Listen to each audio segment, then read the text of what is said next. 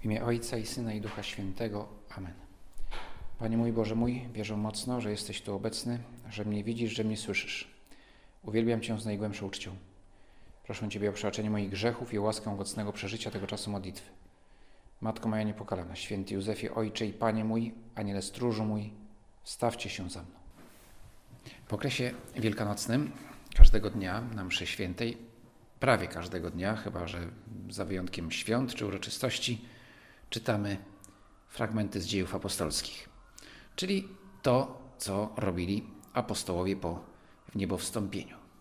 To jest kontynuacja Ewangelii, konkretnie Ewangelii świętego Łukasza. Nawet niektórzy twierdzą, że to właściwie jest, że to pierwotnie był jeden tekst, jest podzielony na dwie części. No, można tam, różne są opinie, w każdym razie autor jest ten sam i na pewno pisał ją jako kontynuację. Dzieje apostolskie były kontynuacją Ewangelii. Właściwie to tytuł jest czyny apostolskie. Nie wiem dlaczego w Polsce to w tradycji polskiej to jest, zostało przetłumaczone jako dzieje apostolskie. Czyny lepiej pokazuje, oddaje to, co ta księga zawiera. Bo dzieje, no, historia apostołów, no, różne rzeczy mogły się, można by tam zamieścić. Tymczasem Łukasz zamieszcza pisze o tym, co oni zrobili i konkretnie głosząc Ewangelię. I też nie wszyscy apostołowie, bo historia dotyczy Pawła, Piotra, Barnaby, samego Łukasza czy, czy, czy, czy świętego Marka. Jest tam czy apostołowie, czy uczniowie, ale jest to tylko, tylko niektórzy, dzieje niektórych są opisane czyny, raczej właśnie niż, niż dzieje. Co apostołowie robili? Słuchając Pana Jezusa, słuchając Ducha Świętego, jak ta lekcja, którą od Pana Jezusa przyjęli i którą nieustannie przyjmowali od Ducha Świętego, jak ona przekuwała się na czyny. Bo miłość to są czyny, a nie piękne słówka. Jedno z takich bardziej znanych zdań czy, czy powiedzeń świętego Josemarii. Miłość to to czyny, a nie piękne słówka. No oczywiście mm, nasza miłość powinna się wyrażać w czynach. Często te czyny to są właśnie słowa. W przypadku apostołów, no to mm, bardzo często, właściwie na ogół, to, to, to, to, to co robią, to mówią, głoszą. No tylko, że głosząc, po pierwsze podejmują olbrzymi wysiłek yy, i bardzo często ryzyko. Paweł tam jak sam pisze, tyle razy oberwał, że właściwie to jest dziwne, że jeszcze żyje. Tak? Tam kamienowany, biczowany, napadany, tonął, nie tonął, w każdym razie wszystko po to, żeby głosić. E, I ostatecznie niemal wszyscy oddali swoje życie za słowa, które głosili. No bo to były słowa mające przemienić świat, a więc te słowa były równocześnie czynami. Dzieje apostolskie są historią bardzo barwną, to się czyta jak książkę przygodową, no bo nie może być inaczej. Życie w Panu Jezusie to jest przygoda. W przypadku Pawła czy Barnaby, no to się wyrażało w podróżach, w jakichś tam różnych sytuacjach niezwykłych, e, ale w naszym zwyczajnym życiu też, kiedy żyjemy w Chrystusie, to nasze życie staje się przygodą. Nawet jeżeli mm, dla kogoś to patrzy z zewnątrz, wydaje się bardzo normalne, bez jakichś nadzwyczajnych zdarzeń. W niedzielę y, usłyszymy jeden epizod, można powiedzieć dzień z życia Pawła i Barnaby. Patrząc na bogate życie, mm, bardzo barwne, barwną historię obu panów, można by rzec dzień jak co dzień. I już tam się nawróciło, potem była awantura, potem uciekli, a potem poszli do innego miasta i znowu to samo. W owym czasie Paweł i Barnaba, przeszedłszy przez Pergę, dotarli do Antiochii Pizydyjskiej. Weszli w dzień szabatu do synagogi i usiedli. Tu można jeszcze zaznaczyć, że jak to czytamy, to może nam się tak wydawać, hmm, no taka wycieczka, prawda? W sumie nawet ciekawe mieli życie. Tu z miasta do miasta, jeszcze Azja mniejsza, to ciekawe, piękna przyroda no, nie podróżowali autokarem klimatyzowanym, tylko szli na piechotę i często rozglądając się, czy zaraz nie wyskoczy za skały, czy to lew, czy jakaś banda rozbójników na przykład. Bo to taka była mniej więcej. To raczej przypominało pewnie podróżowanie przez obecne tereny, które również były tyranami ich działalności, na przykład Syrii. No to bardziej takie mieli pewnie wrażenia przechodząc z miasta do miasta. Także to nie było tak romantycznie, jak nam się wydaje, a może właśnie dlatego było to jeszcze piękniejsze. A wielu Żydów i pobożnych prozelitów towarzyszyło Pawłowi i Barnabie, którzy w rozmowie starali się zachęcić ich do wytrwania w łasce Boga. W następny szabat zebrało się niemal całe miasto, aby słuchać Słowa Bożego. Gdy Żydzi zobaczyli tłumy, ogarnęła ich zazdrość i bluźniąc sprzeciwiali się temu, co mówił Paweł. Hm, co się stało? Czemu się wściekli? Może to nie byli ci sami. Może ci, którzy się tam zdenerwowali yy, i których ogarnęła zazdrość, to nie byli ci, którzy wcześniej, czy, czy tydzień wcześniej, no, to widzę, że to nie był jeden dzień, tylko to był cały tydzień, no ale dobrze. Że w tych dniach część była zachwycona, a część właśnie nie. Ale załóżmy, że to byli ci sami. Ci, którzy najpierw słuchali uważnie, Żydzi i prozelici. Tak? Prozelici to byli poganie, którzy przyjęli religię mojżeszową. Tym samym stali się Żydami, albo zamierzali to uczynić. No. Gdy w Nowym Testamencie mówimy o, nie mówimy, tylko czytamy o Żydach, to chodzi o wyznanie, nie o grupę etniczną. E, I to wyznanie czy religię w wąskim rozumieniu. Konkretnie ci spośród Żydów, wyznawców religii mojżeszowej, którzy nie przyjęli albo jeszcze nie przyjęli Jezusa Chrystusa. A bardzo często, kiedy w Ewangelii słyszymy Żydzi, to konkretnie chodzi o przywódców. To już nawet nie o ogół, tylko o przywódców e, narodu żydowskiego. Pierwsi chrześcijanie to byli w większości Żydzi właśnie. Apostołowie wszyscy byli Żydami.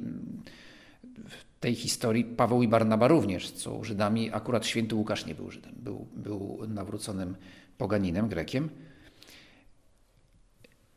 Pierwsi chrześcijanie w szczególności ci mm, którzy, którzy, którzy byli Żydami, nie odcinali się od religii mojżeszowej, bo i Pan Jezus się od niej nie odcinał. Pan Jezus dopełnił to, co przez tysiąclecia Bóg objawiał narodowi wybranemu. Można powiedzieć, napisał ostatni rozdział. Tylko, że ten rozdział jakby zmienił sens całej książki, albo inaczej nadał pełny sens całej książce. Szukałem jakiegoś przykładu z literatury i w literaturze akurat nic mi nie przyszło do głowy, ale w, film jest parę filmów, które właśnie tak są skonstruowane, że dopiero ostatnia scena wyjaśnia cały film.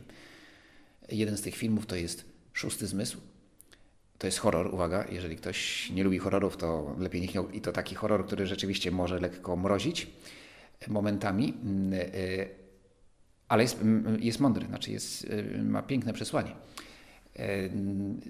I, I na koniec człowiek się naprawdę wyluzowuje, bo no właśnie, bo ostatnia scena nie będę spoilował, nie będę mówić, co w tej ostatniej scenie się dzieje, ale sprawia, że tak sobie zdaję sprawę, że w ogóle nie rozumiałeś nic z tego, albo bardzo niewiele z tego, co oglądałeś przez e, godzinę, tak? I nagle się, nie, to wszystko jest inaczej. Niektórzy nawet ten film oglądają dwa razy, a potem jeszcze raz oglądają zaraz. Muszę to zobaczyć jeszcze raz, bo, żeby, żeby. A, no teraz rozumiem.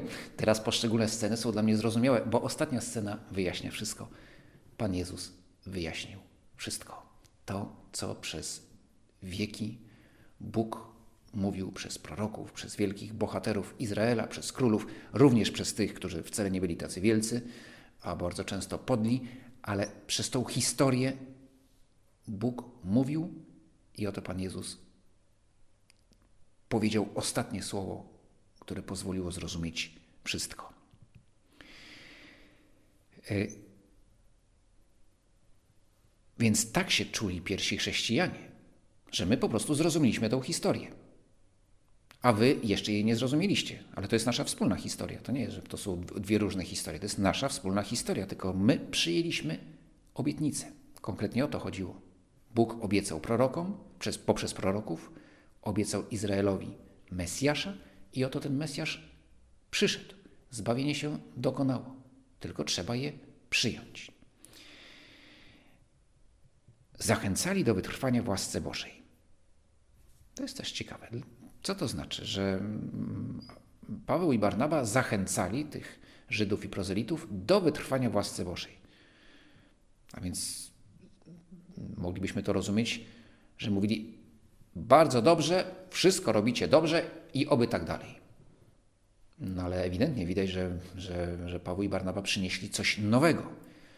I dlatego wywołali takie wrażenie i wszyscy się garnęli do nich, aby słuchać tego, co mówią. Więc na pewno mówili o Panu Jezusie. Dlatego to wywołało takie zainteresowanie o Jego życiu, męce i zmartwychwstaniu. Właśnie to mówili. W Jezusie nasza religia, prawdziwa religia, osiągnęła pełnię. I żeby w niej wytrwać, trzeba ją przyjąć w całości. A więc przyjmijcie to, co nam Bóg objął w Jezusie Chrystusie.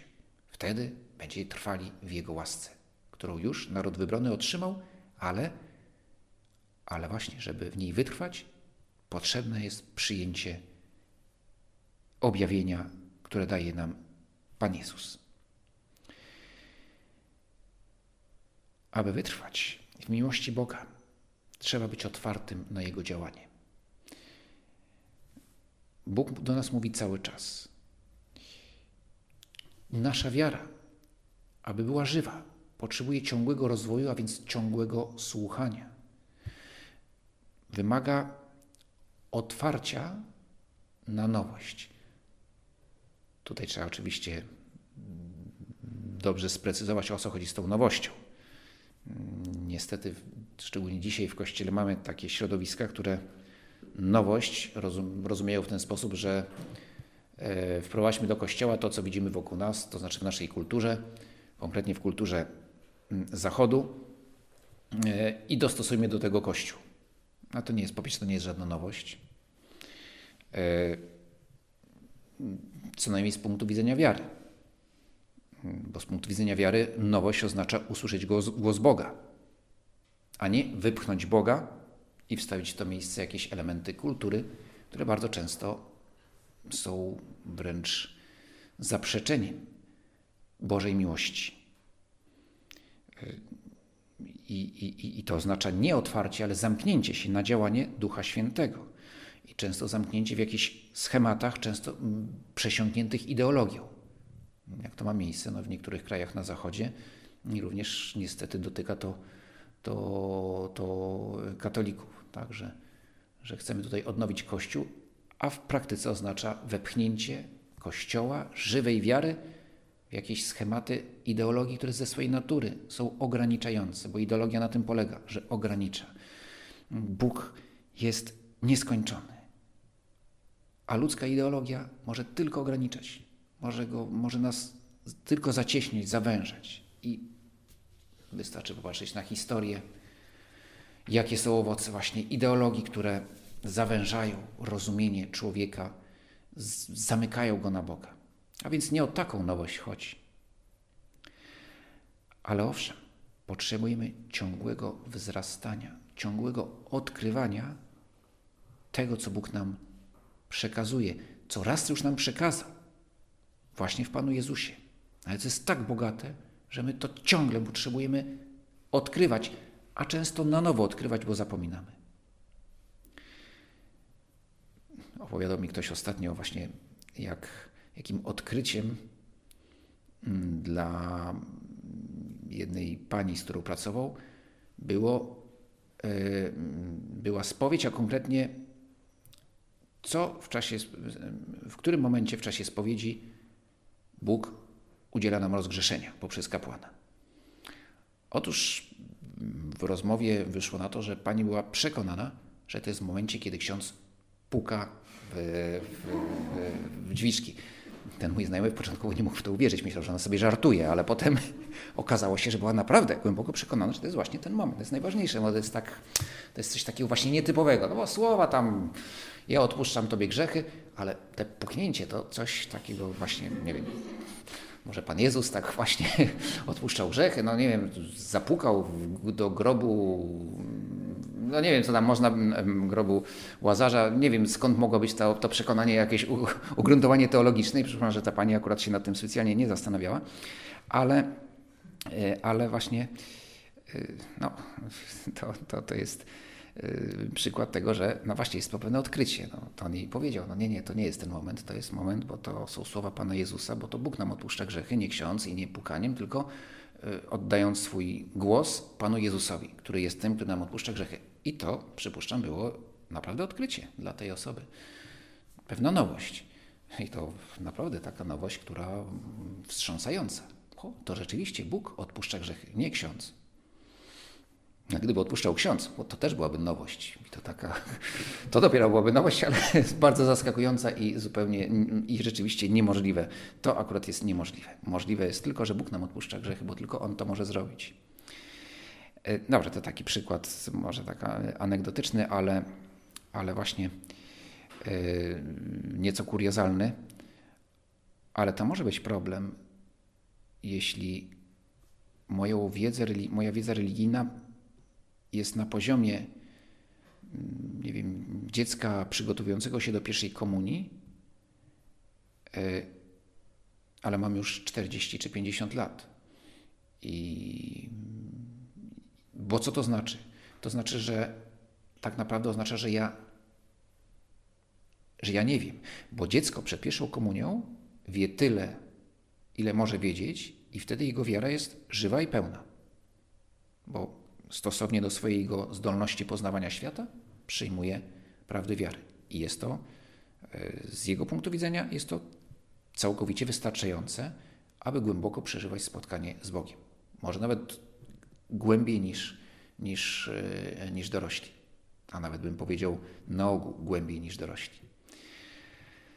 Ale jeżeli się zatrzyma na tym poziomie, to oznacza, że w pewnym momencie ta wiedza po prostu wyparowuje, bo w konfrontacji z, z wiedzą o świecie, którą człowiek z siłą rzeczy nabywa w, w przeciągu lat, no to jeżeli nie pogłębiam rozumienia prawd wiary, to się zatrzymuję i mogę nawet wiarę utracić.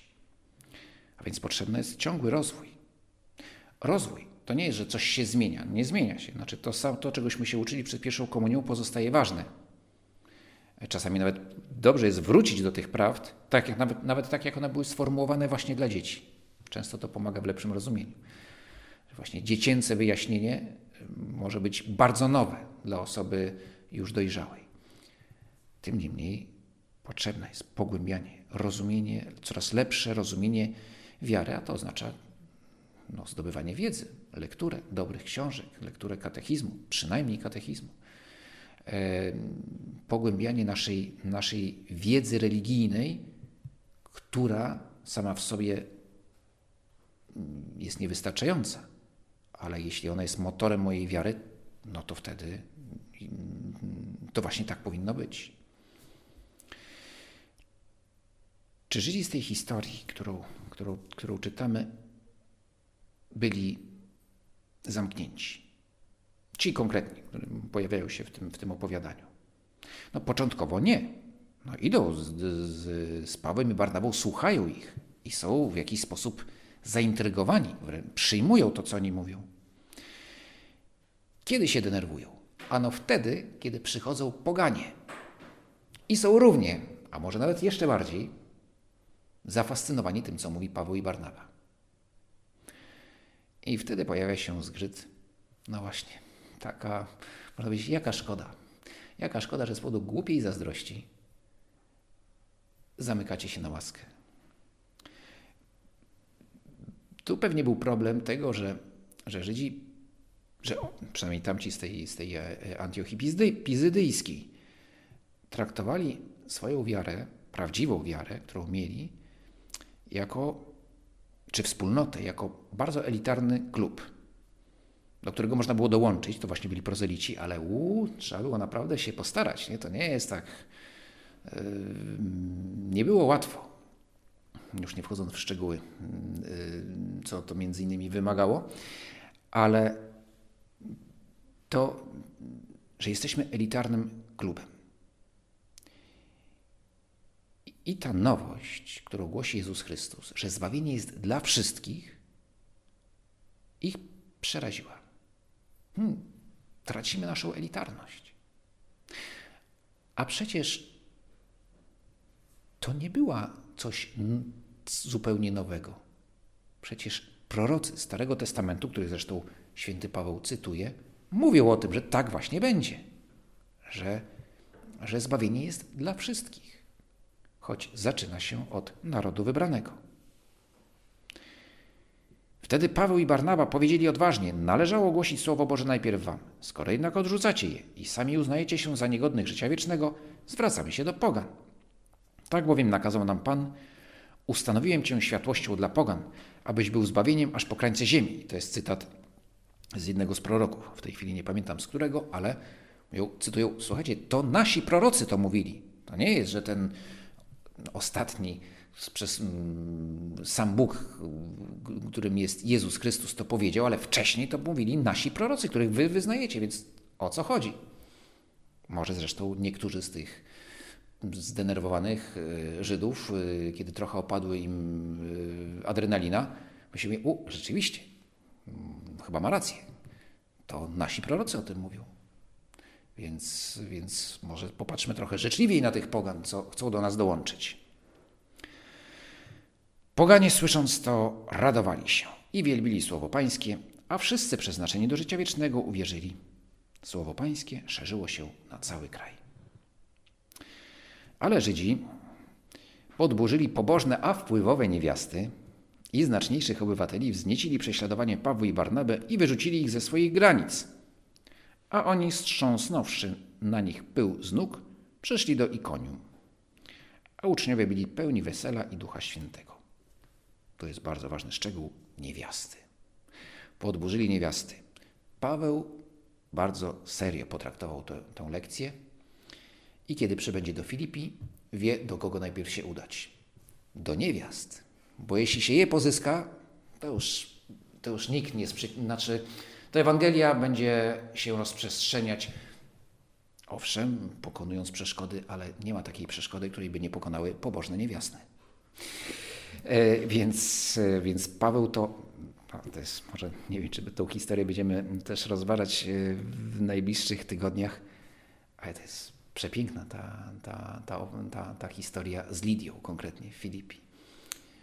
I samego Pawła, który musiał się otworzyć na nowość i wyzbyć się uprzedzeń, które miał jak każdy faryzeusz wobec kobiet. I, I Paweł się przełamał. Pewnie też po części pod wpływem tych doświadczeń, ale kiedy przybywa do, do, do, do, do Grecji, to już nie ma żadnych, to już, to już nie ma tych uprzedzeń y, typowych dla faryzeuszy i, y, i zwraca się do kobiet. Mało tego. Mm, sobie zdaje sprawę, że mają może czasami nawet większy wpływ i więcej mm, na, na, na, na całe środowisko niż mężczyźni, że do nich najpierw trzeba się zwrócić yy, i prowadzić do Chrystusa. Ta historia, właśnie postawa Żydów z Antiochii jest dla nas ostrzeżeniem, bo to nie jest problem tylko tych ludzi. To może każdy z nas się znaleźć w podobnej sytuacji. Nas, chrześcijan, może się zdarzyć, że będziemy traktowali, że będziemy mieli pokusę, aby traktować Kościół jako zamknięty klub. Szczególnie w obliczu coraz większej poganizacji naszego społeczeństwa. Możemy ten błąd popełnić, bo Żydzi przez wieki, tysiąclecia znajdowali się właśnie w takiej sytuacji. Mały naród, otoczony przez o wiele potężniejsze narody, kultury, cywilizacje, który heroicznie zachowuje swoją wiarę, swoją religię, wierząc, że jest ona prawdziwa, religię, która różni się diametralnie od innych religii. Znaczy, że są religie pogańskie, też różniące się między sobą, ale wszystkie one różnią się zasadniczo od religii narodu wybranego. Konkretnie wiara w jedynego Boga. E, I Izraelici, których później nazywamy Żydami, bronią tej prawdy o jedynym Bogu, konfrontując się właściwie no z całym światem. E, co może prowadzić, może nawet momentami wymagało takiego poczucia elitarności, że inaczej by się po prostu nie, nie, gdyby nie mieli poczucia, świadomości, że my naprawdę mamy coś, czego inni nie mają, że jesteśmy lepsi, co tu dużo gadać, albo wiemy więcej, o, może tak, no to, to ich pozwalało ochronić ten, ten depozyt wiary, który, który, który otrzymali. E, ale, co więcej, inni ich traktują jak dziwaków, że ta, że ta religia jest dziwaczna, niebezpieczna nawet. Więc jest takie poczucie, musimy się bronić. I musimy też uważać, żeby nam się nie wstrzyknęły żadne jakieś e, obce trendy, bo nieraz się to w historii Izraela zdarzało, tak, że jakieś poganie się włączają w, w tą, e, e, nie wiem, że nie wiem, pogański król czy pogańska królowa zaczyna psuć religię Izraela. Więc jest zrozumiała ta postawa, tylko że w pewnym momencie ona prowadzi do zamknięcia. E, I Pan Jezus właśnie przychodzi powiedzieć, mówiąc, nasza religia, to co Bóg objawił przez wieki jest prawdą. I tego się nie wyrzekniemy, ale ta prawda jest dla wszystkich. Przyszedł czas, aby głosić ją całemu światu, że Bóg jest jeden, że Bóg nas kocha, że jest naszym Ojcem i że w Jezusie Chrystusie dokonuje naszego zbawienia, stawszy się człowiekiem i za nas składając siebie samego w ofierze. E, I co więcej, Pan Jezus to, co przynosi, jest jeszcze bardziej niezrozumiałe niż religia mojżeszowa. Do Żydów już tam się jakoś przyzwyczaili tam w basenie Morza Śródziemnomorskiego. No po prostu są jacy są, dziwni trochę z tym swoim wiarą w jedynego Boga, z tą świątynią przedziwną, w której nie ma żadnego posągu.